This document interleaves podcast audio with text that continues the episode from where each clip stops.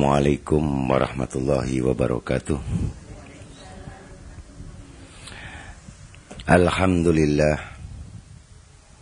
Alhamdulillahi rabbil alamin wal aqibatu lil muttaqin. Alladhi ja'ala lana ilahi tariqan wa sabila. Wa aqama lana ala marifatihi burhana Wadihan wa dalilan. Wa rasala ilaina Muhammad ibn Abdullah al-qaim bi hukukillah ma daqat illa wa farajahallah wa mualliman wa rasulan sallallahu alaihi wa ala alihi wa ashabih bukrata wa asila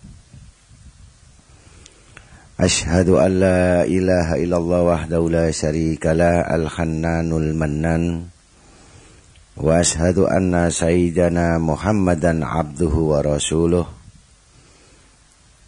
الذي بعثه بالبينات مؤيدا بمعجزات القرآن وأظهر دينه على سائر الأديان وعلى آله وأصحابه ما دامت الأيام والشهور والدهور على ممار الأزمان Allahumma salli wa sallim wa barik wa karim ala Sayyidina Muhammad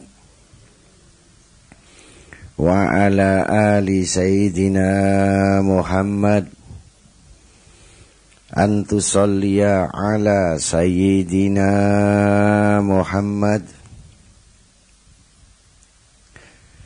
Salatan bi'izatil wahhab بكلمات الله مسبب الأسباب في دار الكتاب بشجرة الأحباب والقمر الذاب وذات العب وأهل الجذاب ومار الدواب الأواب ومفتاح باب الحجاب في قلوب الجناب بسلام آمنين الصواب بغير حساب برحمتك يا أرحم الراحمين Wallahu ta'ala as'alu an yakuna hadal amal khalisan liwajhil karim wa sababan lil fawji bin na'im. Fa innahu ala ma yasha'u qadir wa bil ijabati jadir wa qala Allah ta'ala fi kitabil aziz. A'udzu billahi rajim bismillahirrahmanirrahim يا أيها الذين آمنوا اتقوا الله ولتنظر نفس ما قدمت لغد.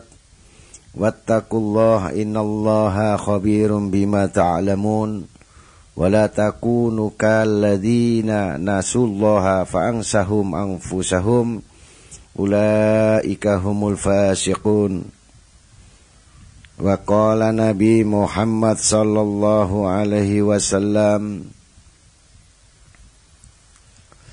annahu kana jalisan fil masjid fadakhala alaihi syabun fa'adamahu wa jalasahu bijanbi fauqa Abi Bakar radhiyallahu an Summa atadaron nabiyyu alaihi salatu wassalam ilaihi faqal Ya Aba Bakar Innama ajaslastuhu ala minka li'annahu laisa fid dunya akhadun yusalli alayya aksaruh minhu. Fa innahu yakul kulla godat godatin wa asyiyah. Allahumma salli wasallim wa barik ala Sayyidina Muhammad bi adadi man salla alaih wa salli ala Sayyidina Muhammad biadadi man lam yusalli alaih. Wa salli wa sallim ala sayyidina Muhammad kama tuhibbu an yusalla alaih. Wa salli ala Muhammad kama amartana bis salati alaih. Wa salli wa sallim ala sayyidina Muhammadin kama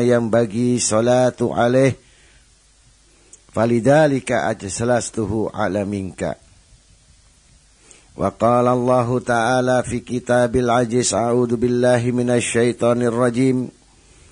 إن الذين آمنوا وعملوا الصالحات وأقاموا الصلاة وآتوا الزكاة لهم أجرهم عند ربهم ولا خوف عليهم ولا هم يحزنون. Sadaqallahul maulana al-azim wa rasulih amma Ma'asyiral muslimin rahimakumullah Alhamdulillah kita mengucapkan syukur yang sangat besar kepada Allah Subhanahu wa taala yang malam ini telah melimpahkan rahmat taufik hidayahnya, barakahnya. Sehingga kita malam ini bersama-sama dihimpun kembali, dikumpulkan kembali dalam keadaan sehat walafiat. Yang tidak ada tujuan lain kecuali sama-sama dengan niat kita agar mendapatkan ridha Allah Subhanahu wa taala yang kesemuanya itu disertai dengan kesungguhan kita. Mudah-mudahan keluarga kita pun baik yang di luar atau yang masih sakit atau yang masih jauh yang belum dibukakan iman sama Allah Ta'ala kita doakan mudah-mudahan yang sakit sembuh kemudian yang jauh dijadikan orang-orang yang sadar dengan terbukanya semua iman kepada Allah Subhanahu wa taala. Amin ya rabbal alamin. Ma'asyiral muslimin rahimakumullah. Dikatakan di dalam surat Al-Baqarah ayat 277. Allah taala berfirman yang artinya sesungguhnya orang-orang yang beriman serta yang berbuat baik dan orang-orang yang mau mengerjakan solat serta menunaikan zakat, maka bagi mereka itu pahala di sisi Tuhan mereka. Dan tidak ada rasa takut bagi mereka. Dan apalagi mereka pun tidak bersusah hati. Jadi surat Al-Baqarah ayat 20, 277. Jadi di sini pengajian malam ini bagaimana mencari kedudukan kita di dalam sholat. Untuk mengenal sholat itu membutuhkan satu pemahaman, pengertian, kekusukan yang berlaku kepada diri kita. Dari mukadimah surat Al-Baqarah pun ayat 1 yang berbunyi firmannya Bismillahirrahmanirrahim Alif Lam Mim Dalikal kitab la raiba fihi udalil muttaqin Alladzina yu'minuna bil gaib wa yuqimuna sholah wa mimma razaqnahum yunfikun. Mukodimah dari ayat ini saja dari awal surat Al-Baqarah sebelum kita membahas yang 277 ayat ini diulang lagi sama Allah masalah sholat.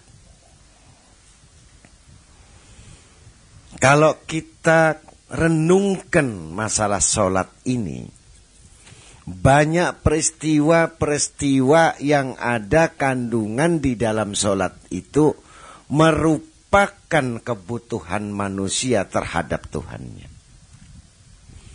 Bukan Tuhan membutuhkan kita untuk kita ibadah. Bukan Tuhan itu menyerukan kalian agar kalian ini menjadi orang-orang yang terpaksa di dalam ibadah. Tetapi perintah Allah, doktrin Allah untuk memerintahkan sembahyang, memerintahkan solat, wa akimunas solah, itu ada kepentingan manusia itu terhadap Tuhannya. Yang mempunyai komponen di dalam ibadat itu terhadap manusia itu. Agar manusia itu dimuliakan Allah. Agar manusia itu diberi sukses sama Allah.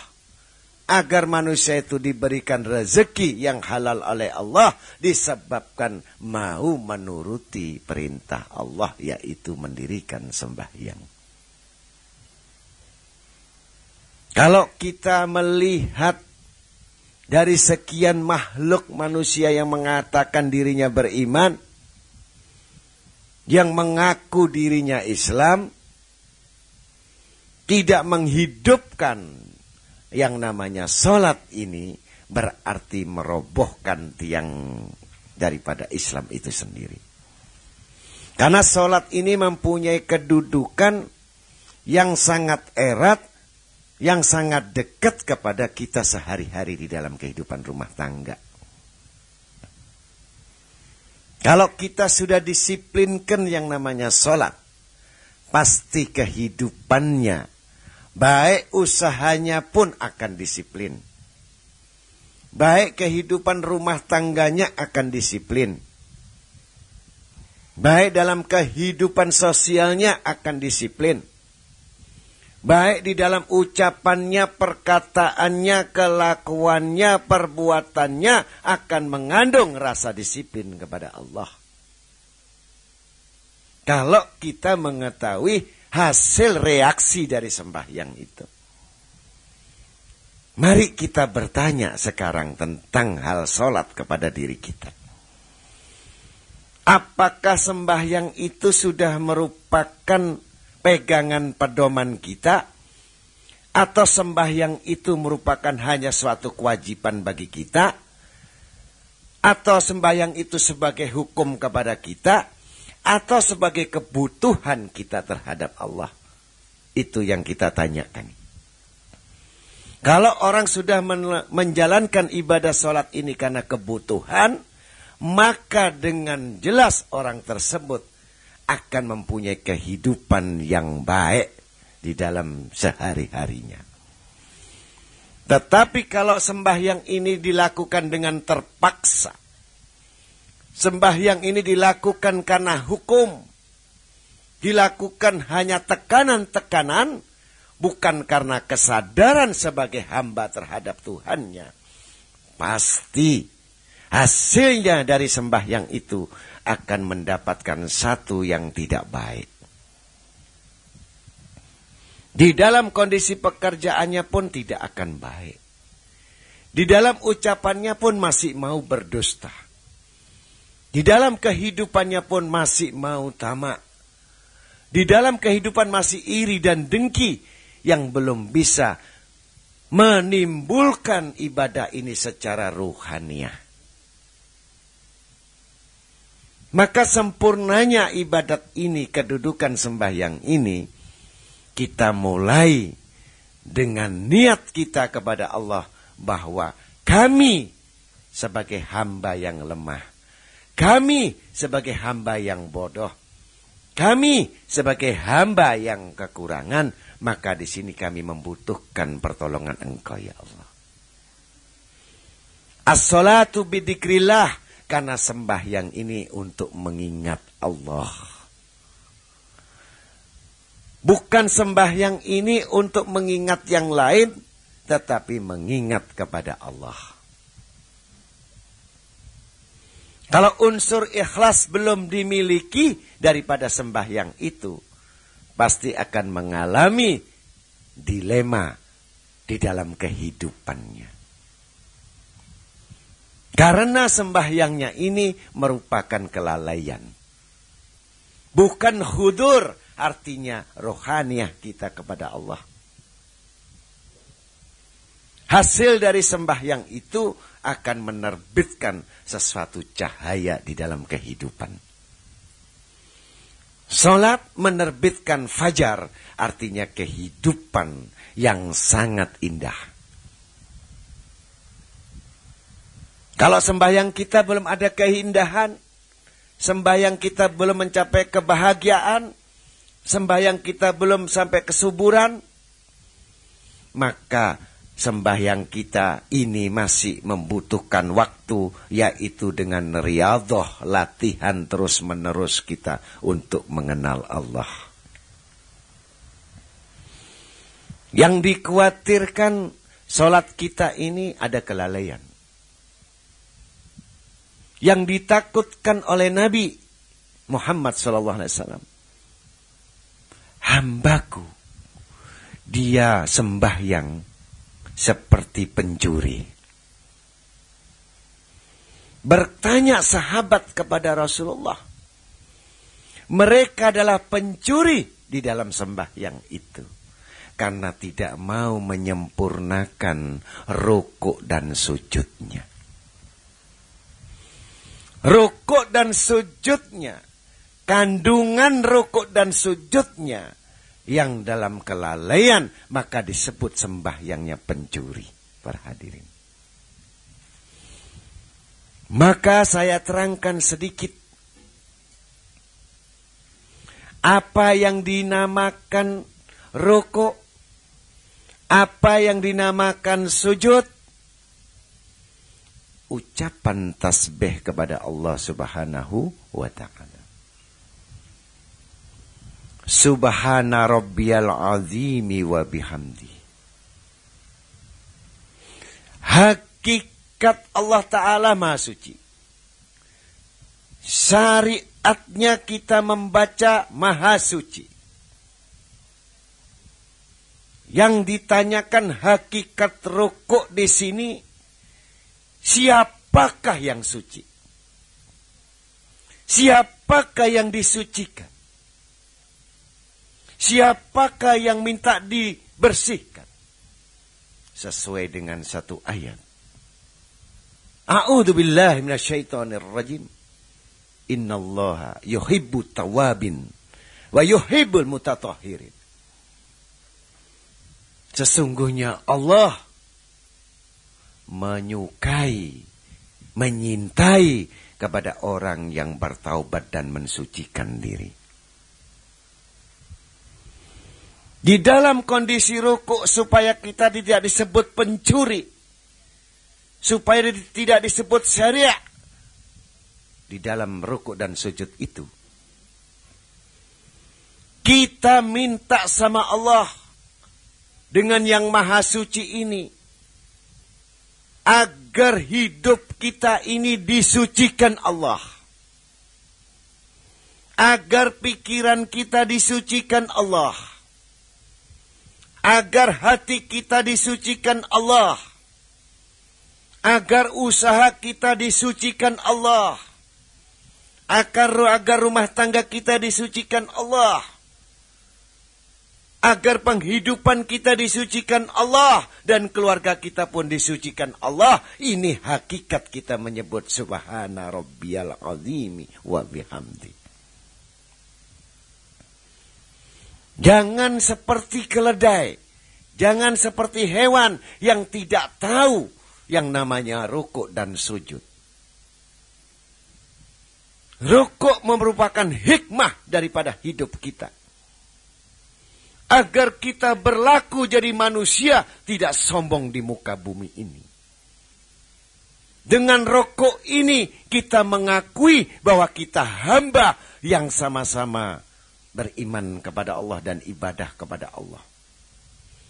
Kekayaan yang kita miliki, kemampuan dan kelebihan yang kita miliki, kehebatan kekuasaan yang kita miliki, tidak berarti apa-apa di hadapan Allah Subhanahu wa taala, maka takbirlah kamu dengan memuji Tuhanmu.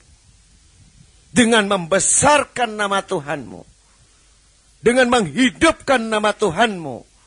Yang saat itu diri kita dalam kondisi dikondisikan bahwa kita manusia yang sangat tidak tahu diri. Siapakah yang menjamin rezeki? Siapakah yang menghidup dan yang mematikan? Siapakah yang menghinakan dan yang memuliakan? Di sini letak kita rukuk sama Allah dengan memuji Maha Suci Allah. Hukum daripada memuji Allah. Hukum dengan menyebut nama Allah. Wajib bagi hamba ini yang mengaku dirinya beriman kepada Allah bukan sunnah. yang mengaku diri kita menghambakan diri kita kepada Allah dengan subhana rabb. Maha suci engkau Tuhan. Hil azim dengan keagungan namamu. Dengan kemuliaan namamu. Dengan ketinggian namamu. Maka pengakuan sebagai hamba yang lemah ini hakikat dari subhana rabbiyal azim adalah pengakuan seorang hamba yang membutuhkan pertolongan kepada Allah. Kalau orang sudah tidak mau rokok dan sujudnya, berarti manusia ini perbuatannya pasti hewan saudara. Mereka mempunyai sifat hewan. Mereka mempunyai kelakuan hewan. Mereka punya perbuatan hewan. Karena tidak ada kontrol daripada Allah subhanahu wa ta'ala. Bahwa manusia itu sebaik-baik manusia yang tidak ibadat kepada Allah. Itulah seburuk-buruk manusia lebih daripada hewan. Na'udzubillahi min. Dengan wabihamdihi dari kata-kata hamdan wa hamdu yaitu memuji kepada Allah yang menciptakan alam semesta ini. Dari kata-kata alhamdu wa bihamdi. Wajib manusia ini hak daripada Allah Ta'ala terhadap manusia, manusia itu memuji kepada Allah. Itu tanda syukur kita. Tanda merasa kita mengucapkan syukur kepada Allah. Yang sekian banyak nikmat yang diberikan oleh Allah Ta'ala. Dari kandungan rokok ini sudah tiga nilainya di sisi Allah. Memuji, meninggikan, dan bersyukur kepada Allah di dalam rukuk ini. Kita bertanya, kenapa kita ucapkan tiga kali?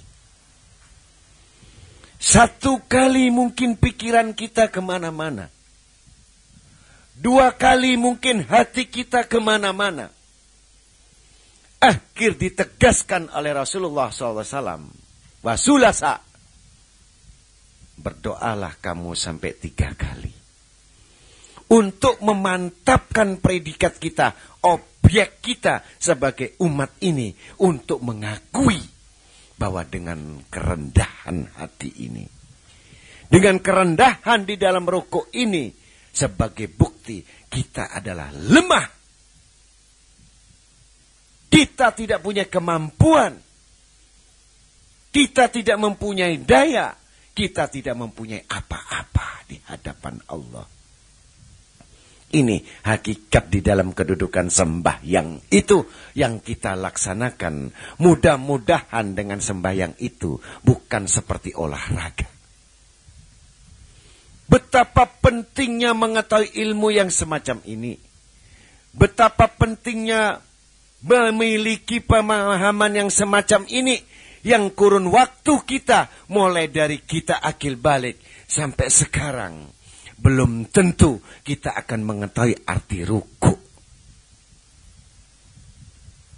Di sini yang dinamakan ilmu hikmah. Di sini yang dinamakan ilmu tauhid untuk mengenal yang saat itu akan hidup sembahyang kita ini di dalam alam barzah itu saudara. Ada dua kelompok sembahyang orang mati dan sembahyang yang hidup.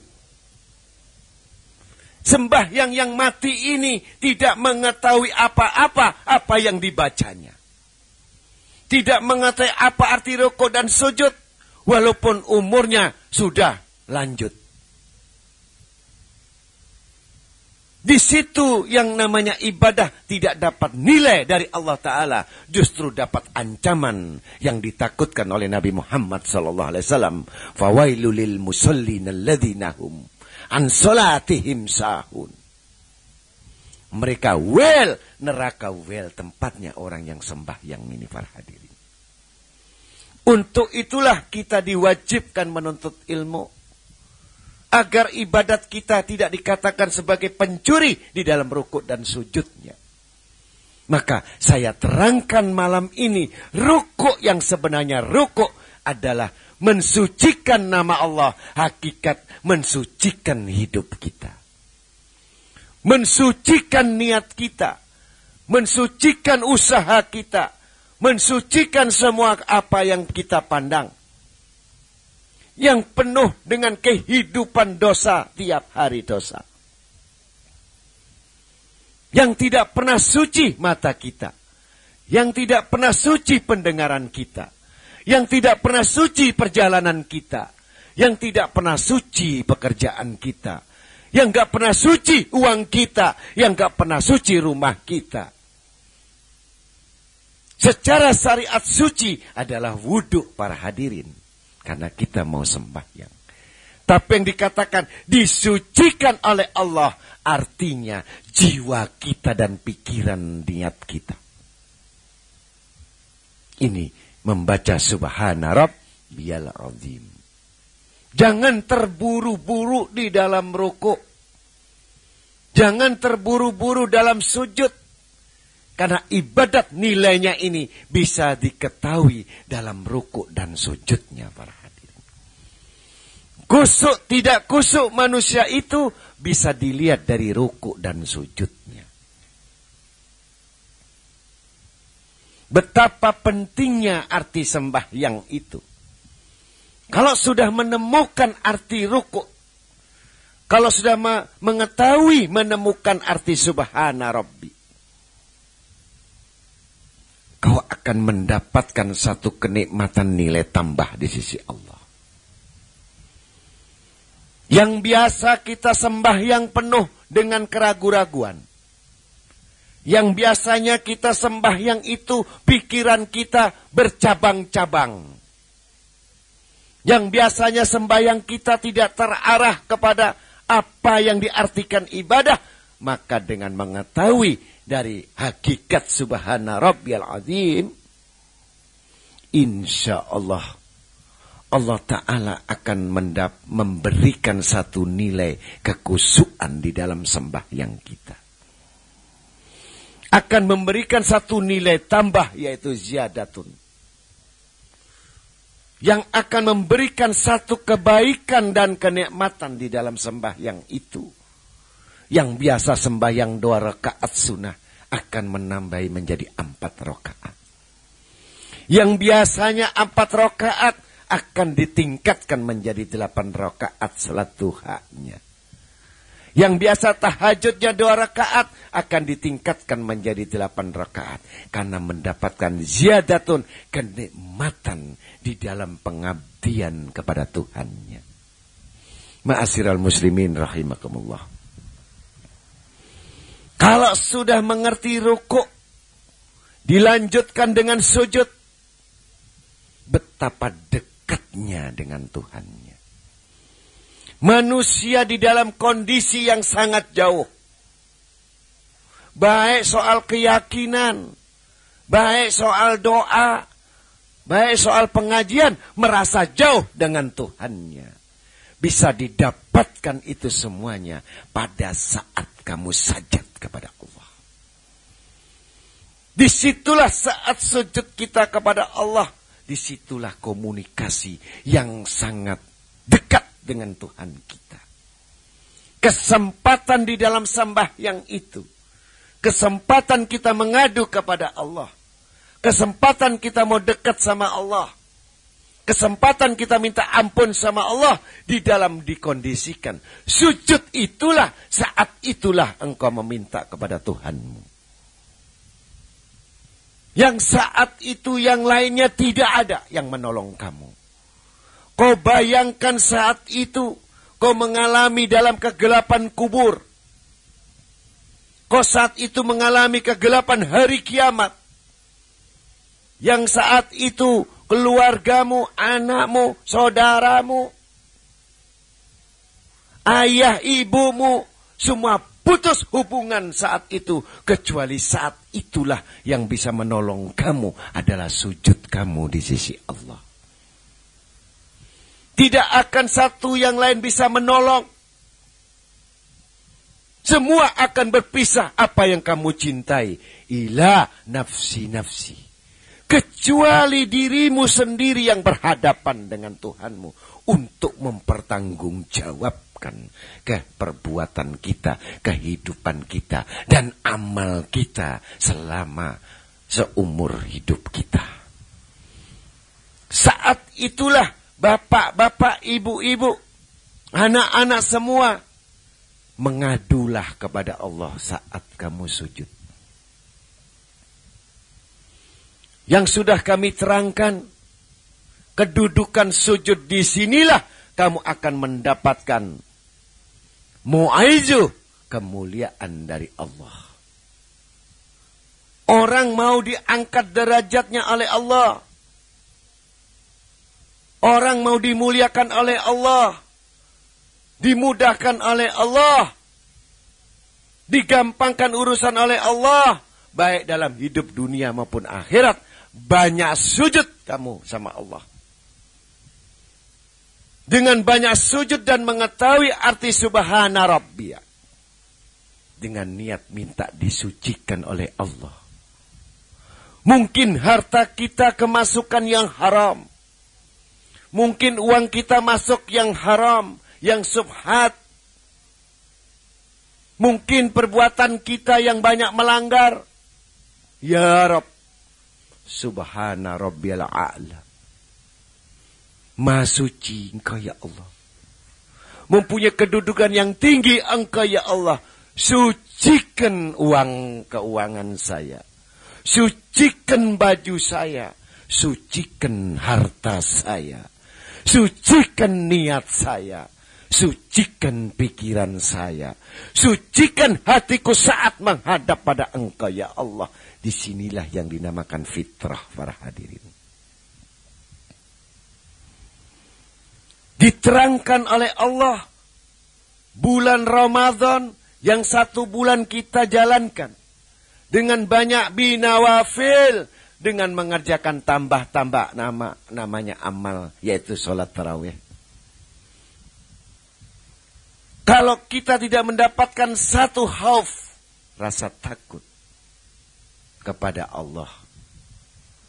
Belum mendapatkan satu sujud kita dan rokok kita takut kepada Allah. Al-awalu syamu Ramadan maafirah. Bagaimana kita mendapatkan pengampunan dari Allah subhanahu wa ta'ala.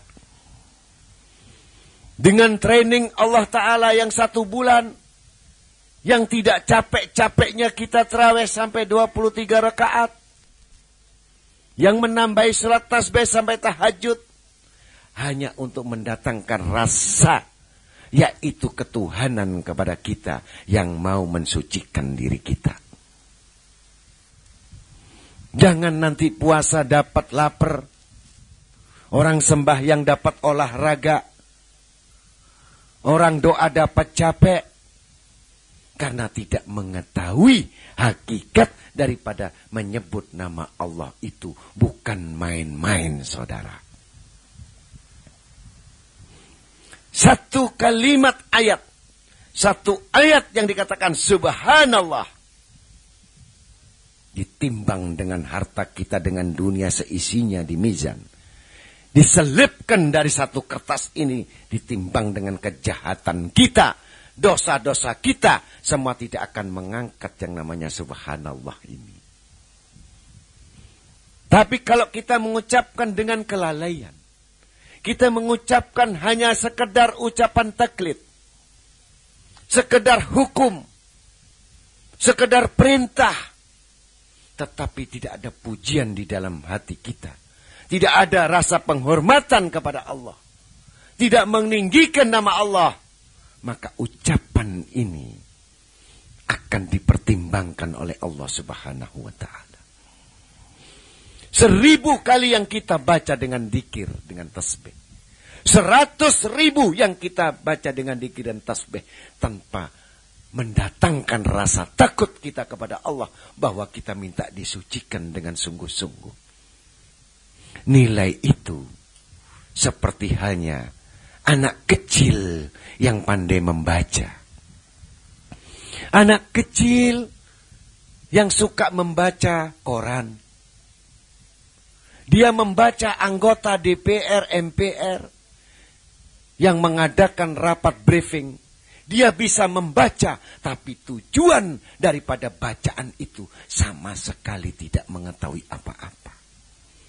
Apa artinya bacaan itu kalau kamu tidak mengetahui? Di sini kita menuntut ilmu itu agar kita membaca subhana rabbiyal azim betul-betul zauk mempunyai rasa yang mempunyai kesucian yang betul-betul yang disucikan oleh Allah Subhanahu wa taala dan mendapatkan kecintaan daripada Allah Subhanahu wa taala.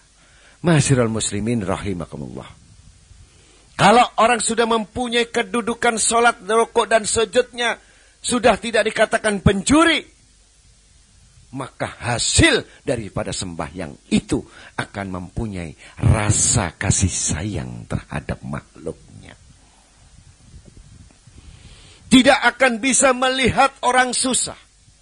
Dia akan menolong dan membantu. Tidak akan menjadi orang yang masa bodoh. Tidak akan yang menjadi orang yang tidak mau tahu karena di situlah letak dari hasil sembahyang itu. Wa mimma rojaknahum yungfikun. Walaupun dirinya menderita. Walaupun dirinya kekurangan. Dia tidak akan bisa melihat orang lain kekurangan. Dia tidak akan bisa melihat orang kelaparan. Dia tidak akan bisa melihat orang lain tidak makan. Dia tidak akan bisa melihatkan anak yatim yang keliaran. Dan tidak akan membiarkan orang yang susah itu di hadapannya. Karena dia sudah berhadapan dengan Tuhannya yang maha suci itu. Maka jalannya pun disucikan oleh Allah subhanahu wa ta'ala. Tidak mementingkan kepentingan terlebih dahulu dirinya kecuali mementingkan kepentingan orang yang membutuhkan para hadirin. Maka di situlah dinamakan orang-orang yang jelas mulai kelihatan ciri-ciri sembahyang yang diterima oleh Allah subhanahu wa ta'ala. Tetapi kalau sholat yang dikerjakan lima waktu, dia selalu memikirkan dirinya sendiri. Dia selalu buta dengan orang lain. Dia selalu membenci kepada orang lain. Dia akan dengki dengan orang lain. Tamak kepada hidup. Syirik kepada orang. Jahat kepada tetangga. Semuanya itu. Maka itulah bukan sembah yang Itulah yang dinamakan sembah yang pencuri para hadirin. Dengan hasil yang sembah yang ini tadi. Maka berlakulah semua rukun Islam itu kepadanya. Puasa tidak akan mengeluh dia. Berzakat tidak akan merasa rugi dia. Mengeluarkan infak tidak merasa rugi. Bersadakoh dia hobi. Mengeluarkan infak dia senang karena Allah. Karena disucikan sama Allah. Hartanya pun disucikan sama Allah. Penghidupannya disucikan sama Allah karena dia tidak ragu-ragu lagi dengan janji-janji Allah Subhanahu wa taala. Ini hasil sembahyang yang tidak bisa dilepaskan keterkaitan antara sembahyang dan sedekah, antara sembahyang dengan zakat, antara sembahyang dengan mengeluarkan wa amfiku, wa amfiku, wa amfiku ini semuanya tidak bisa dilepaskan keterkaitan sembahyang ini tadi. Ibarat orang sembahyang usaha yang mempunyai hasil. Sedangkan rezeki yang didapatkan ibarat dia membuangnya. Yang tidak bisa dipisahkan antara yang didapat keluar atau masuk itu merupakan hukum yang harus dilaksanakan oleh manusia yaitu janji-janji Allah kalau kamu mengetahui antara ruku dan sujudnya. Belum tambahan kita dengan dikir. Belum tambahan dengan sunah-sunah yang lain. Dalam duduknya tasahud. Dengan mengucapkan Rabbil Firli, kita semua dosa kita yang dari duhur sampai asar itu sudah dihapus sama Allah Subhanahu wa taala. Dari asar yang masuk ke maghrib dengan Rabbil Firli itu kita sudah diampuni dosa-dosa kita yang sengaja atau tidak sengaja, yang langsung atau tidak langsung kita berhubungan dengan Allah agar kita minta diampuni dosa-dosa kita oleh Allah. Kesulitan yang akan diterima oleh manusia, kesusahan yang terus-menerus menghantui kehidupan manusia. Dari anak, dari suami, dari keluarga, dari usaha yang semuanya membebankan kepada kita maka mintalah saat itu warhamni. Dicabut semua masalah itu sama Allah. Dihilangkan semua oleh Allah karena Allah ini maha mengasihani. Irham. Allah Ta'ala yang maha mengasihani para hadirin. Kalau hidup kita yang gak pernah baik, yang setiap mau jalankan kebaikan selalu salah. Mau berjalan baik, mau salah. Usaha selalu keliru. Ketemu teman, ketemu kehidupan, selalu nggak menumbuhkan yang baik. Minta sama Allah, dengan kata ya jabar. Memperbaharui Allah Ta'ala. Wajburni. Perbaiki kehidupanku ya Allah. Perbaiki ibadahku ya Allah. Perbaiki rumah tanggaku ya Allah. Perbaiki usahaku ya Allah perbaiki semua kehidupan yang ada sangkut pautan dengan kehidupan sosial masyarakat. Wajib murni. Begitu fasilitas Allah Ta'ala memberikan di dalam kandungan sembah yang ini. Belum doa yang lain. Belum sholat sunnah yang lain. Belum ibadat yang banyak, yang amal yang lain Allah Ta'ala sudah mencatat manusia itu sudah termasuk golongan orang yang sukses dunia akhirat. Yang ditanyakan di kubur nanti sholat. Yang ditanyakan yang paling utama intinya sholat. Bukan amal yang lain para hadirin. Sholat kalau kita buruk. Hidup pun buruk Usaha pun buruk, rezekinya pun buruk, karena sholatnya memang buruk para hadirin. Saya sudah sembahyang lima waktu. Saya sudah sembahyang hajat 40 rakaat. Saya sudah sembahyang tahajud banyak. Tetapi kenapa hidup kami selalu buruk? Disebabkan pengertian tadi antara rukuk dan sujudnya yang belum dipahami hanya sebagai rukun bahwa dia sembahyang ini sebagai syarat. Kita memang keturunan orang Islam yang cuman ikut-ikutan orang tua kita Islam.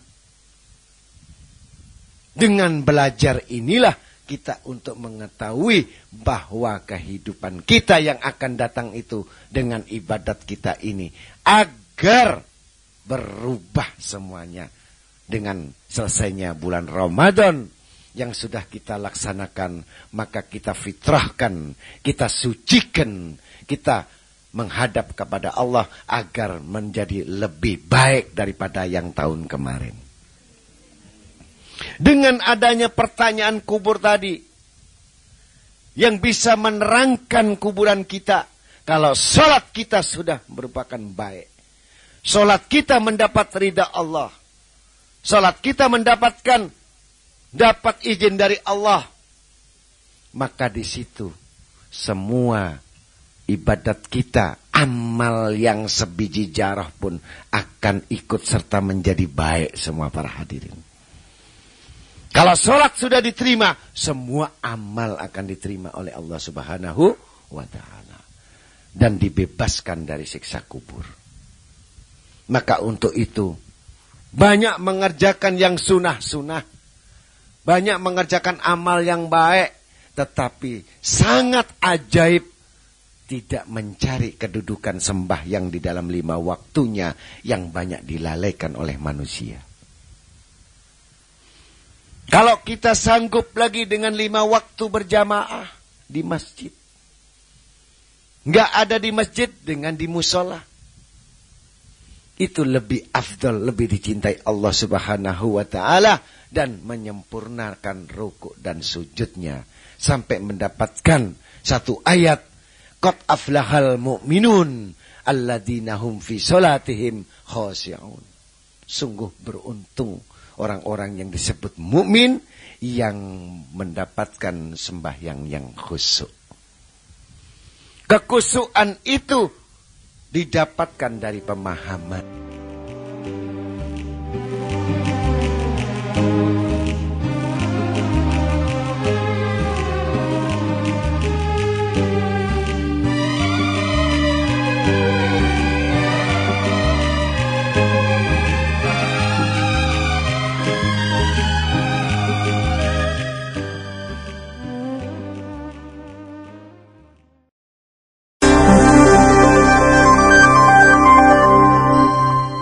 Satu masjid ada iblis mau masuk melihat orang yang sembahyang.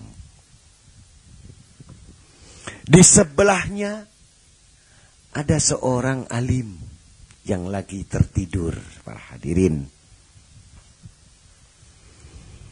Diketahui iblis ini oleh Rasulullah SAW yang mau masuk di pintu masjid itu. Bertanya Rasulullah sama iblis. Hai mal'un.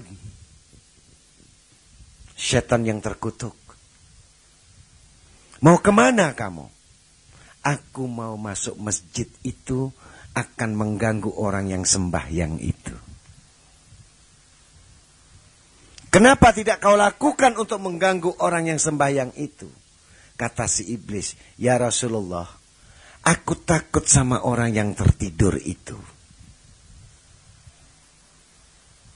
Karena orang yang tertidur itu memiliki ilmu yang memahami di dalam ilmu sembahyang. Sedangkan orang yang sembahyang banyak itu dengan bodoh sembahyangnya ya Rasulullah. Maka akan aku masuk di dalam jiwanya dan hatinya. Agar dia di, tidak menyembah sama Allah. Tapi nyembah sama hawa nafsunya. Rukuknya dia bukan karena Allah. Sujudnya bukan karena Allah. Syahadatnya bukan karena Allah. Karena aku mengganggu di dalam hatinya. Agar dia rukuk mengingat anaknya. Agar rukuk dia mengingat usahanya. Agar rukuknya mengingat rumahnya. Agar dia rukuk ingat anak dan keluarganya. Semuanya jangan sampai mengingat Allah. Itu tugasku sebagai iblis untuk masuk dalam hati dan pikirannya. Yang buta di dalam sembahyangnya. Yang bodoh di dalam sembahyangnya. Yang sujud gak tahu apa-apa. Yang rokok tidak tahu apa-apa. Hatta artinya.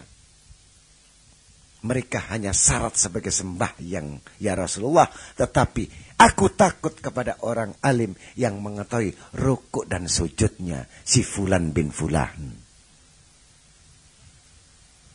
Maka untuk itulah Rasulullah sudah mengatakan yang demikian itu khususnya bagi umat Nabi Muhammad SAW belajar. Sekali lagi belajar kita untuk mengenal Allah. Belajar untuk mengenal ibadat kita Belajar untuk mengenal rukuk dan sujud kita. Belajar untuk mengenal doa kita kepada Allah Subhanahu wa taala. Didik anak-anakmu. Didik keluargamu. Didik semua saudaramu yang kamu tidak mengerti. Sampaikan agar mereka jangan sampai dibakar oleh api neraka para hadirin. Agar kita mencapai iman yang terbaik. Untuk agar kita ibadat jadi yang baik. Karena di situ letaknya surga itu ada di sembahyang itu.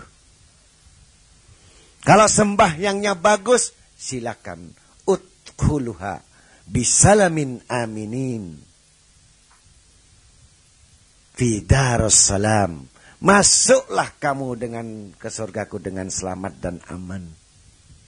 Di tempat surgaku dengan selamat. Kata Allah subhanahu wa ta'ala. Kendaraan kita adalah sholat kita. Untuk pelajar, untuk yang belajar, makin rajin di dalam sholatnya, makin rajin pribadinya menjadi baik. Makin malas di dalam ibadatnya, makin buruk perangai dan perbuatannya ibadatnya. Na'udzubillahimin. Mudah-mudahan kita semua golongan orang-orang yang bisa sembahyang khusyuk. Wa qala Nabi Muhammad SAW annahu kana jalisan fil masjid. Sabda Nabi SAW duduk di masjid. Maka masuk seorang laki-laki muda dan beliau memuliakannya serta mempersilahkan duduk dekat beliau persis di tempat duduk Abu Bakar radhiyallahu an. Kenapa seorang pemuda ini dimuliakan oleh Allah? Dimuliakan oleh Rasulullah SAW karena membaca solawat yang sangat dicintai Rasulullah SAW. Maka Sayyidina Abu Bakar bertanya,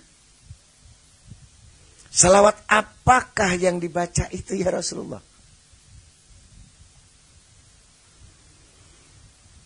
Maka dikatakan oleh Rasulullah, salawatnya itu yang berbunyi Allahumma salli wa sallim wa barik ala Sayyidina Muhammad bi adadi man salla alaihi. Wasalli wasalim ala Sayyidina Muhammad bi adadi man lam yusalli alaih. Wasalli wasalim ala Sayyidina Muhammad kama tuhibbu an yusalla alaih. Wasalli wasalim ala Sayyidina Muhammadin kama amartana bis salati alaih. Wasalli wasalim ala Sayyidina Muhammad kama yang bagi salatu alaih. Itulah bunyi salawat sehingga Rasulullah mendudukkan seorang pemuda ini di dekatnya Nabi Muhammad Sallallahu Alaihi Wasallam. Insya Allah nanti saya catatkan di fotokopi. Masyiral muslimin rahimakumullah. Semua kalau kita mempunyai satu niat. Niat untuk menambah kebaikan. Niat untuk menambah ilmu. Niat untuk menambah barakah niat untuk menuntut segala sesuatu yang lebih baik daripada kemarin. Maka Allah Ta'ala tidak segan-segan menurunkan rahmat itu, barakah itu kepada hamba-hamba itu. Sehingga diberikan pemahaman-pemahaman yang tidak diketahui sebelumnya. Maka niat itulah yang paling diutamakan untuk kita sekalian sebagai hamba yang mengaku beriman kepada Allah agar kita semuanya dijadikan orang-orang yang betul-betul mendapatkan tambahan yang baik. Jangan sampai kita mati kurang sangunya. Jangan sampai kita mati kurang ongkosnya. Perjalanan yang sangat panjang. Perjalanan yang sangat jauh hari kiamat itu yang semuanya dibangkitkan oleh Allah Subhanahu wa taala dalam keadaan yang mulai semua saling bingung saking hebatnya pada saat itu. Sifat manusia di situ akan diwujudkan oleh Allah berupa hewan mukanya para hadirin. Kalau sifat serakah, sifat tamak, sifat rakus, maka muncullah wajahnya seperti anjing. Maka yang lain bertanya, siapakah anjing itu? aku adalah si Fulan bin Fulan. Kenapa wajahmu jadi anjing? Karena kamu serakah di dalam hidup ini. Kalau yang diwujudkan wajahnya menjadi tikus, maka wajah itu datang itu sebagai apa? Orang yang selalu usil, yang suka hasut sama orang, yang suka merusak sama orang, yang suka merusak kehidupan orang, yang merusak usaha orang, yang menjatuhkan orang, maka di situ wajahnya pun akan diwujudkan sebagai bentuk sebuah wajah dari tikus para hadirin.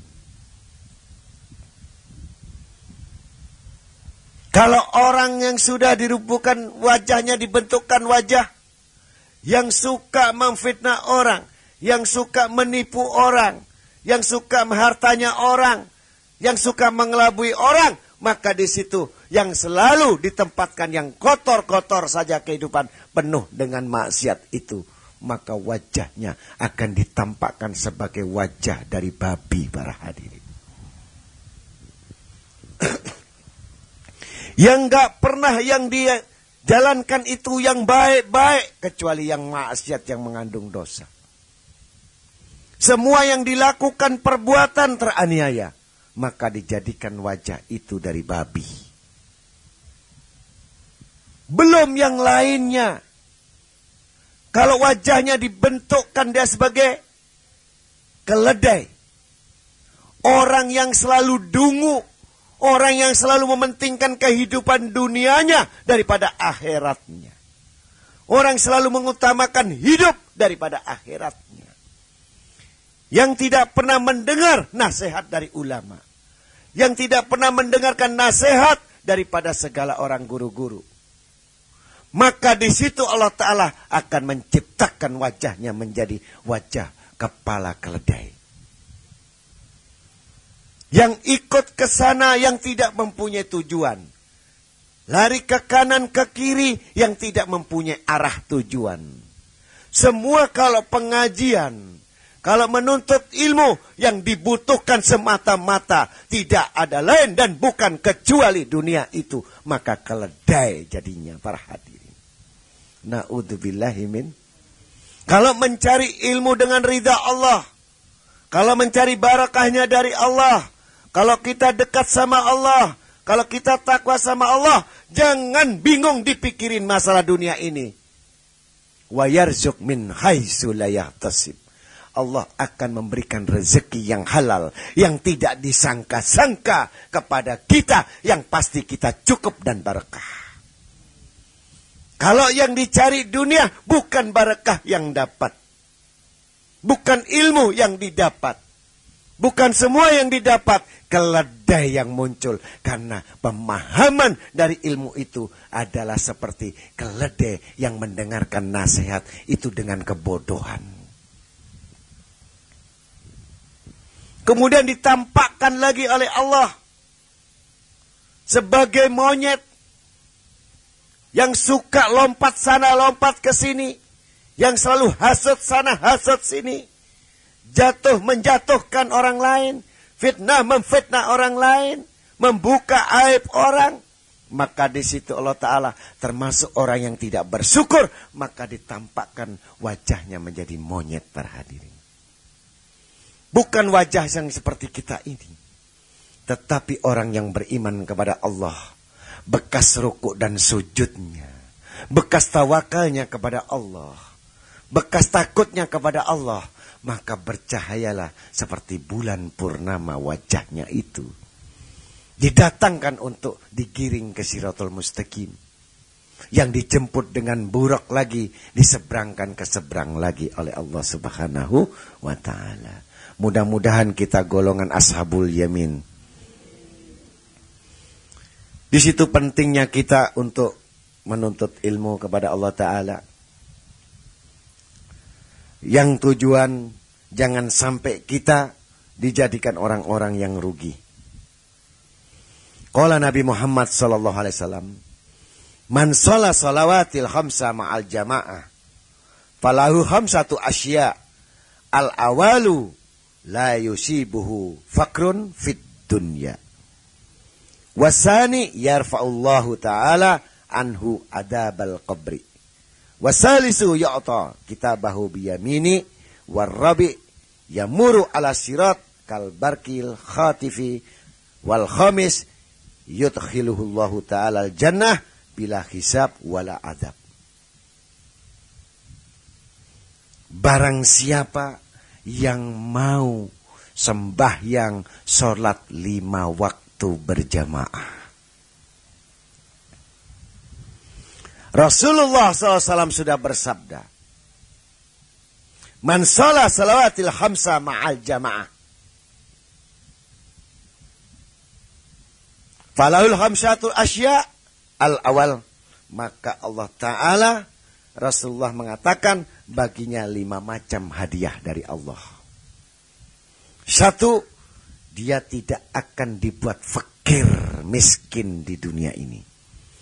Tidak akan dibuat kekurangan, kerugian, kesusahan selama hidup di dunia ini dijamin sama Allah diberikan cukup diberikan rezeki warzuknal kamal mutaba'atillahu dohiron wabatinan diberikan rejeki yang sempurna sama Allah. Ini yang pertama. Tekad bulat kita untuk berjamaah diniati walaupun sangat berat. Berat itu nilainya pun sangat tinggi di sisi Allah. Lima waktu berjamaah. Tidak bisa di masjid. Tidak bisa di musola. Cukup dengan keluargamu asal mau berjamaah. Ya, ada ketentuan jamaah yang abdol memang di masjid. Tapi ada keluarga yang harus dituntun untuk sembahyangnya. Kita lakukan yang abdol lagi. Lebih baik kamu memimpin keluargamu yang sembahyang, yang tidak sembahyang. Kalau tidak kita ikut mengajaknya. Yang pertama. Yang kedua, Allah membebaskan dia dari siksa kuburnya. Sudah pasti orang yang lima waktu berjamaah itu dibebaskan siksa kuburnya. Jangan dibantah. Kalau sudah tidak percaya hadis Nabi, tidak percaya dengan ucapan Nabi, itu sudah kafir namanya. Dipegang betul. Yang ketiga, dia akan menerima kitab catatan amal. Semua amal itu di tangan kanannya biyamini. Di tangan kanannya semua perbuatan baiknya. Sementara perbuatan buruknya tidak ditampakkan oleh Allah kecuali yang baik-baik saja yang dibawanya. Ini akibat reaksi dari sembahyang jamaah lima waktu. Di musola, di masjid, atau di rumah yang penting berjamaah. Yang keempat, warabi yamuru ala syirat kalbarki al khatifi. Maka dia akan bisa melewati jembatan siratul mustaqim laksana halilintar yang menyambar yaitu seperti buruk yang melempar dia. Tidak mengikuti lagi titian jembatan sirat. Dalam satu riwayat jembatan sirat itu rambut dibelah jadi tujuh. Bagaimana kita akan selamat melewati jembatan sirat ini? Kalau tidak pertolongan Allah subhanahu wa ta'ala. Kalau kita berjalan di atasnya daripada silet. Bayangkan tajamnya silet itu masih bisa berapa bagian dari rambut. Kalau kita berjalan di atas kabel, di atas tali, masih seberapa yang namanya rambut ini. Itu dibelah menjadi tujuh bagian yang kita harus melewati. Di dalamnya adalah neraka. Kalau tidak pertolongan Allah, siapakah yang menolong? Dirimu sendiri kata Allah. Dengan mengikuti ajaranku, mengikuti firmanku, maka lakukanlah kalau kau ingin selamat dari sirat ini dengan banyak kamu berjamaah sembahyang itu. Yang bisa menolong bukan keluargamu. Yang menolong bukan anakmu. Yang menolong bukan bapak ibumu, saudaramu, suamimu, istrimu. semua putus kecuali kamu amal kamu yaitu dengan mengerjakan kum bangun salat jamaah dengan mengerjakan salat berjamaah. Agar buruk pun itu akan menjemput kita nantinya. Yang kelima, Allah memasukkan di surga itu tanpa perhitungan lagi, tanpa hisap. Kalau kita dihitung, diaudit sama Allah, dosa kita satu hari banyak minusnya daripada untungnya. Kalau pedagang kita, usaha kita, sembahyang cuma dua menit, Duhur maghrib tiga menit paling lama. Di jumlah lima waktu cuma lima belas menit. Sisanya ke mana? Sisanya ngapain? Syukur kita ke mana? Maka di situ kalau kita lihat kita teliti bahwa kita kalau dihitung sama Allah perbuatan kita ini banyak dosanya daripada banyak minta ampunnya para hadirin. Maka itu Allah Ta'ala memberikan kemurahan dengan kum wassalawata wa jamaah. Dengan sembahyang kita jamaah itu agar kita semua perhitungan ruginya kita ini tidak tercatat oleh Allah Subhanahu wa taala dan tidak dihitung, yang dihitung hanya golongan yang dapat kebaikan. Amin. Mudah-mudahan latihannya maghrib jamaah sampai isya. Nggak bisa subuh dohurnya. Nggak bisa dohurnya asarnya. Nggak bisa asarnya maghribnya. Dicari mana saja yang berusaha kita untuk sholat jamaah. jamaah. Jangan suka sendiri Ya, jangan suka melamun sendiri, jangan suka sembayang sendiri, ngurus sendiri, latihan sendiri, stres sendiri. Ya. Apa-apa musyawarah, mudakarah, rundingan, dikus, diskusi. Kalau kurang benar, ada yang benerin. Jangan sendirian melamun. Jangan mikir sendirian. Jangan mutuskan sendirian. Jangan memberi keputusan sendirian. Nanti khawatirnya yang biasa keputusan sendirian itu bunuh diri. Ya. Sebab apa? Enggak ada yang diajak runding, rundingan. Nah, di situlah mupakat, musyawarah, mudakarah, barakah ada karena ada perundingan-perundingan tadi, musyawarah ada keluarga, ya.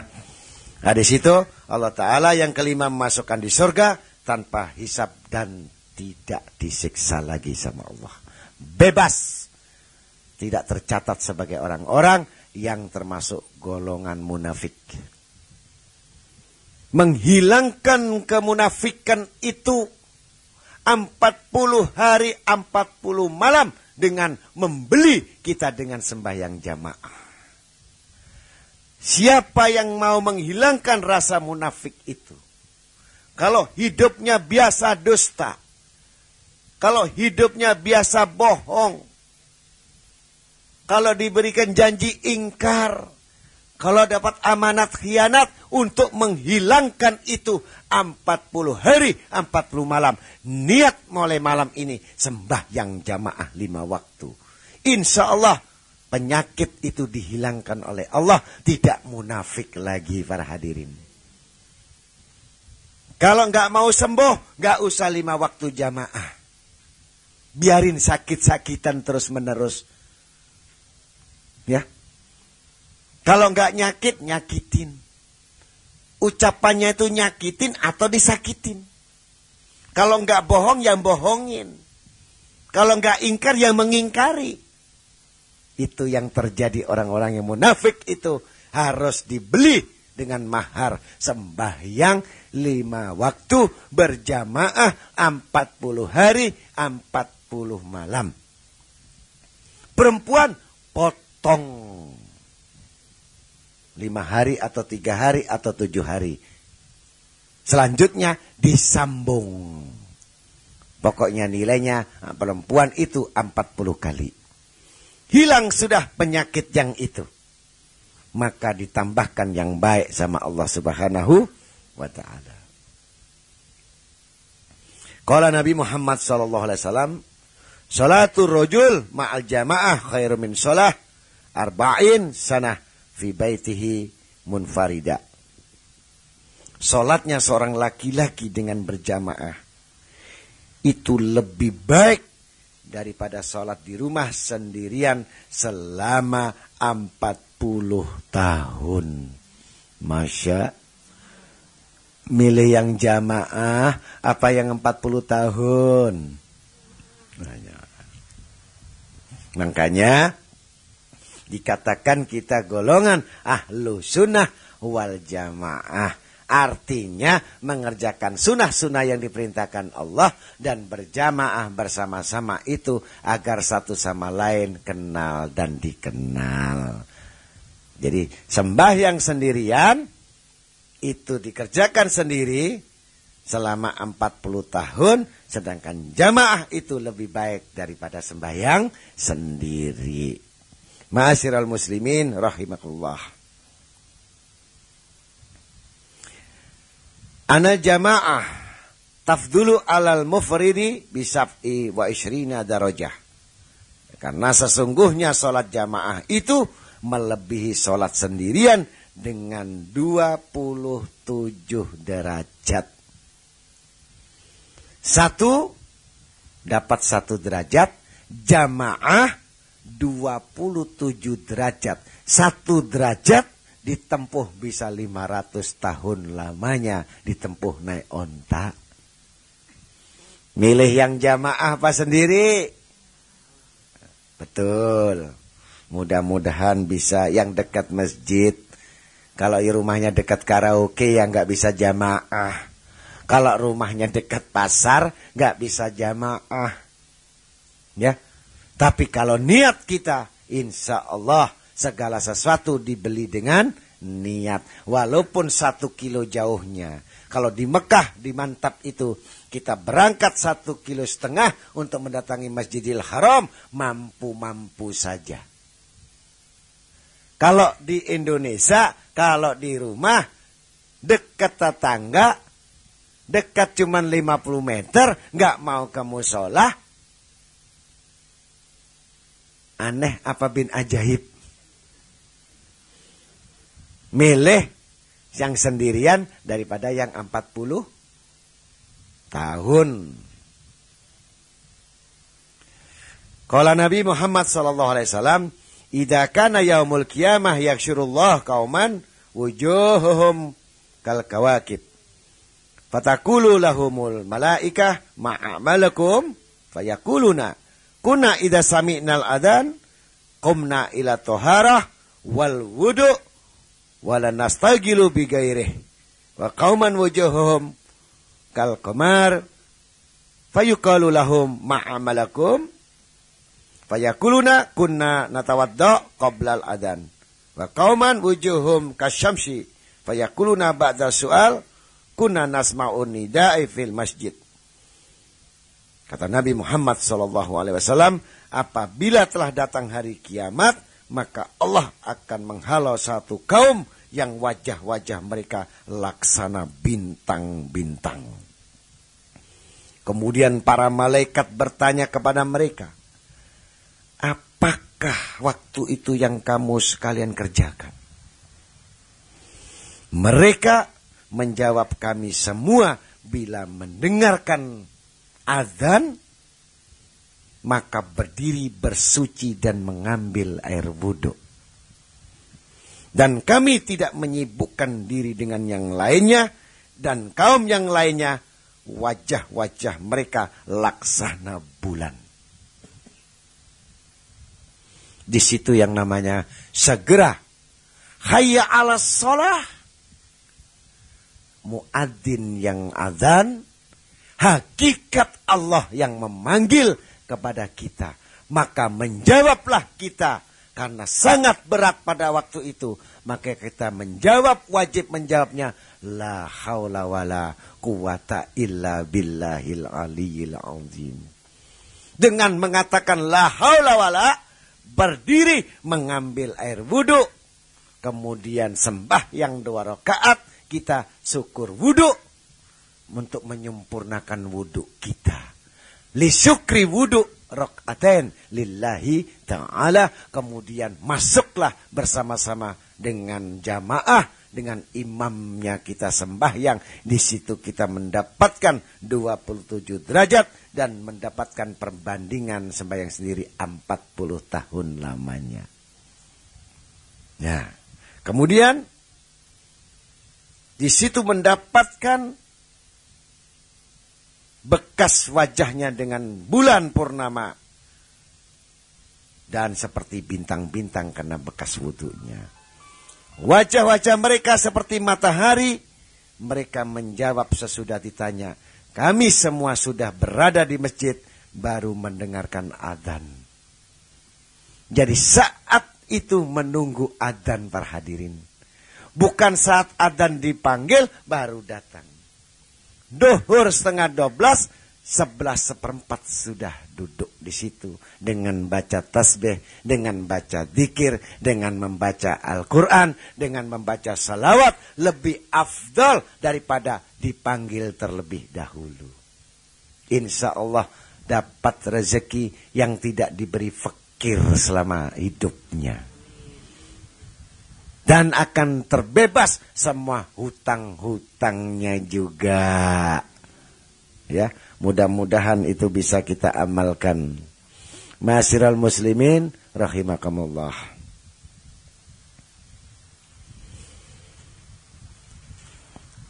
Qala Nabi Muhammad sallallahu alaihi wasallam, "Idza kabara al-'abdu bi li shalah yaqulullahu ta'ala lil malaikah irfa'u dunuba 'abdi an raqabati hatta ya'budani tahira."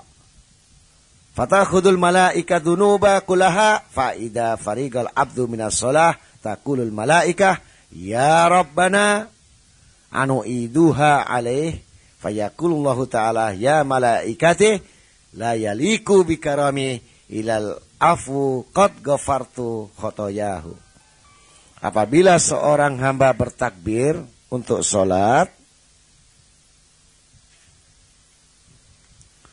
Maka Allah berfirman kepada para malaikat, hilangkanlah dosa-dosa hambaku dari lehernya. Sehingga dia menyembahku dalam keadaan bersih. Para malaikat pun menghapuskan dosa-dosa itu semuanya. Apabila hamba tadi sudah menunaikan sholat, maka para malaikat bertanya lagi kepada Allah, Wahai Tuhan kami, Apakah dosa-dosa itu kami kembalikan kepadanya lagi? Allah Ta'ala berfirman, Hai semua para malaikatku, tidaklah sepantasnya dengan sibab, dengan sifat dermawanku, kecuali dia mendapatkan ampunan untuknya. Jadi dosa itu setelah diambil oleh para malaikat tidak akan dikembalikan, dicatat itu karena bekas wudhunya dan sembahyangnya para hadirin. Dan sungguh telah kuampuni segala kesalahan dan dosa-dosanya. Jadi sembahyang ini ibarat orang yang mandi. Tidaklah bagus setiap hari kita mandi lima kali sehari. Dari subuh kita sembahyang itu mandi. Kotoran datang lagi kepada kita. Dosa-dosa nempel sama kita dibersihkan lagi sama kita dengan duhur. Duhur keluar kita usaha lagi. Ada kesalahan lagi. Ada dosa lagi. Maka kita akan bersihkan asar. Asar yang singkat ini penuh dengan dosa lagi. Karena asar ini banyaknya orang yang melanggar dosa. Jatuhnya Nabi Adam melanggarnya Nabi Adam saat asar diturunkan oleh Allah. Saat maghrib itu pun dicuci dosa kita. Karena saat maghrib ini adalah di antara maghrib dan isya termasuk orang-orang yang sembahyang awabin yang minta ampun kepada Allah. Walaupun maghrib tidak minta ampun kepada Allah, termasuk orang yang minta ampun. Karena maghrib ini Nabi Adam alaihissalam bertaubat kepada Allah. Maka orang yang maghrib ini di masjid mana saja, di musola, pasti paling banyak yang sembahyang maghrib ini. Karena Nabi Adam memang taubatnya maghrib.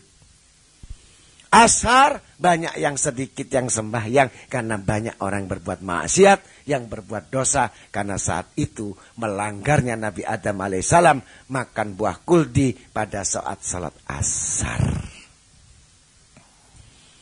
Ya, jadi di situlah agar kita diampuni jadi mandi lima kali sehari untuk kehidupan kita semuanya. Masyiral muslimin rahimakumullah. Mudah-mudahan dengan pengajian ini kita semuanya mendapatkan satu yang manfaat dari mulai rukuk dan sujud supaya kita sempurna dan semua lima waktu dengan jamaah kita bisa jalankan dan kita bisa melakukan semuanya nanti di masjid atau di musola atau di keluarga yang penting kita berjamaah. Kalau Nabi Muhammad sallallahu alaihi wasallam man bil ma'il jari wasola khalfal imam al-qari fakot istahaqqa rahmatallahil bari.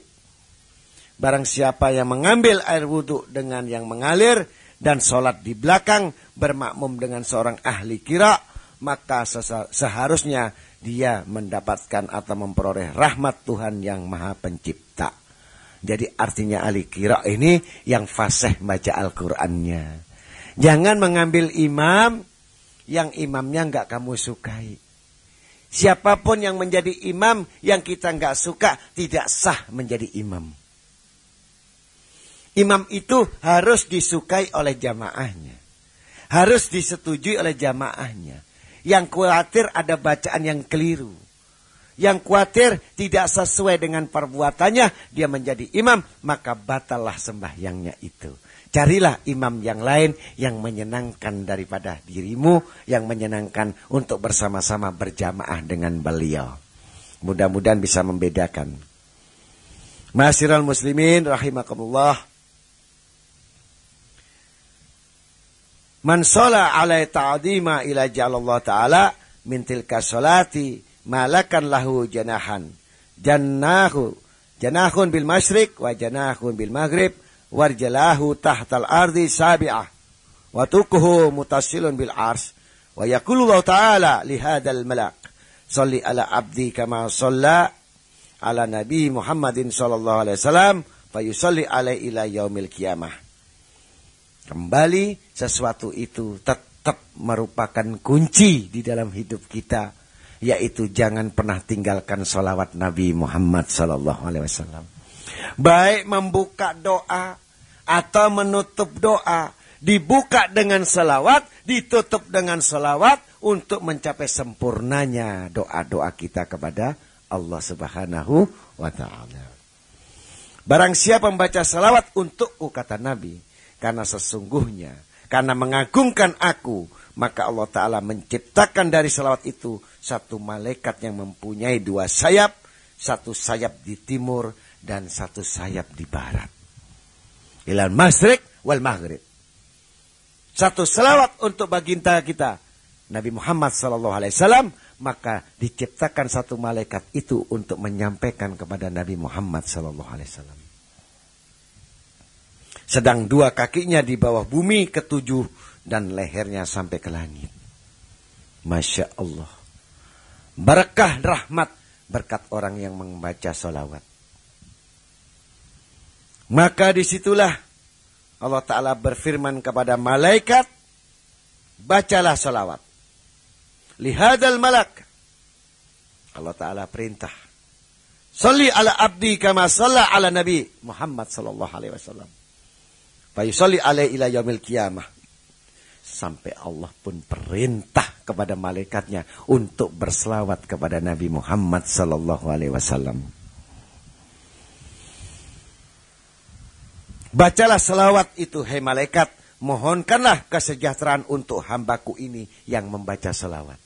Jadi orang yang membaca selawat juga dimintakan sama malaikat untuk ampunan dosanya dan rahmatnya para hadirin. Sebagaimana dia telah membaca selawat untuk Nabiku Muhammad SAW, maka malaikat itu pun membaca serentak membaca selawat memohonkan kesejahteraan untuk sampai hari kiamat.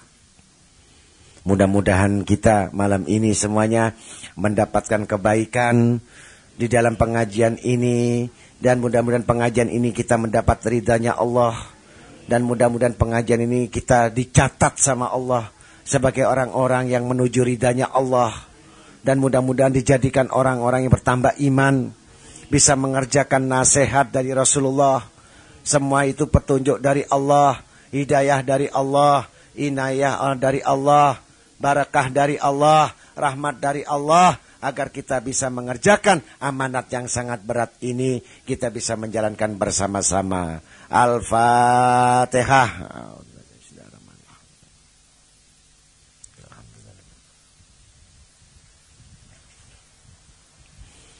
Bismillahirrahmanirrahim. Allahumma salli ala habibika sayyidina Muhammadin wa ala alihi wa sahbihi ajma'in. Walhamdulillahi rabbil alamin. Hamdan naimin wa hamdan syakirin. Allahumma hamdan yuafi ni'amahu wa yukafi majidah. Ya Rabbana lakal hamdu kama yanbaghi li jalali wa karim wa adimi sultanik. Rabbana atina min ladunka rahmatan wa ilana min amrina rasyada. Rabbana taqabbal minna innaka antas samiul alim wa tub alaina innaka antat tawwabur rahim. Wa hasbunallahu wa ni'mal wakil ni'mal maula wa ni'man nasir wala haula wala quwata illa billahil alil azim. Wallahu yatawalla al haqq wa huwa yahdi sabil. Wa anallahu yahdina fi man hada wa yar'ana fi man ra'a wa yatawallana fi man tawalla ويدخل مشيعنا في بركات محسننا وعاسنا في بركات طائعنا أن الله يجعلنا وإياكم متحاميا متحبين في الله والمتودين في الله وأن الله يعيد هذا اليوم وفي هذه الساعة علينا وعليكم وعلى الحاضرين سنين بعد سنين وعواما بعد عوام على ما يحب ويرضاه ذو الجلال والإكرام أن الله يجعلها زيارة مقبولا وذنبا مغفورا وسعيا مشكورا وتجارة تبورا وأن الله يتقبل دعاءنا ويقضي حاجاتنا كلها وأن الله يرضى عنا ونبينا محمد صلى الله عليه وسلم ويحسن سابقاتنا ويحسن خاتماتنا ويجعلني وإياكم ومن يحب ممن سبقت له من الله الحسنى وختم لهم بها في عافية وسلامة Rabbana atina fid dunya hasanah wa fil akhirati hasanah wa qina adzabannar wa qina adzabannar wa qina adzabannar. Allahumma qsim lana min khasyatik ma bainana ma'ashik wa min tu'atika ma tubalighuna bihi jannatik wa min al-yakin ma tuhawinu bihi alaina masa'ibad dunya wa matti'na bi asma'ina wa absarina wa hiyaitana wa jalwarisa min منا واجعل ثارنا على من ظلامنا وانصرنا على من عدانا ولا taj'al musibatana fi dinina wa la taj'al dunya akbar hamina wa mablagha ilmina wa la tusallit alaina bidunubina man la yakhafuka wa la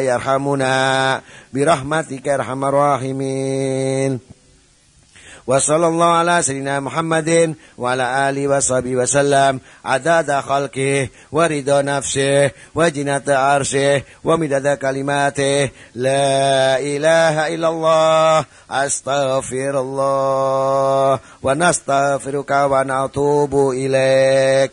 Bifadli subhana rabbika rabbil izzati amma yasifun wa salamun alal mursalin walhamdulillahi rabbil alamin. Innallaha wa malaikatahu yusalluna 'alan nabi. Ya ayyuhalladzina amanu sallu 'alaihi wa sallimu taslima. As-salatu wassalamu alayka ya sayyidal mursalin. As-salatu wassalamu alayka ya khataman nabiyyin. As-salatu wassalamu alayka ya man arsalakallahu rahmatan lil alamin. As-salatu wassalamu alayka ya Sayyidi ya Rasulullah. Khud biati qalat hilati adrikni Assalatu wassalamu alaika ya qaidal guril muhajjalin Ila jannatin na'im. Wa radiyallahu ta'ala nasabi rasulillahi ajma'in. Bisiril nabi wali nabi bisiril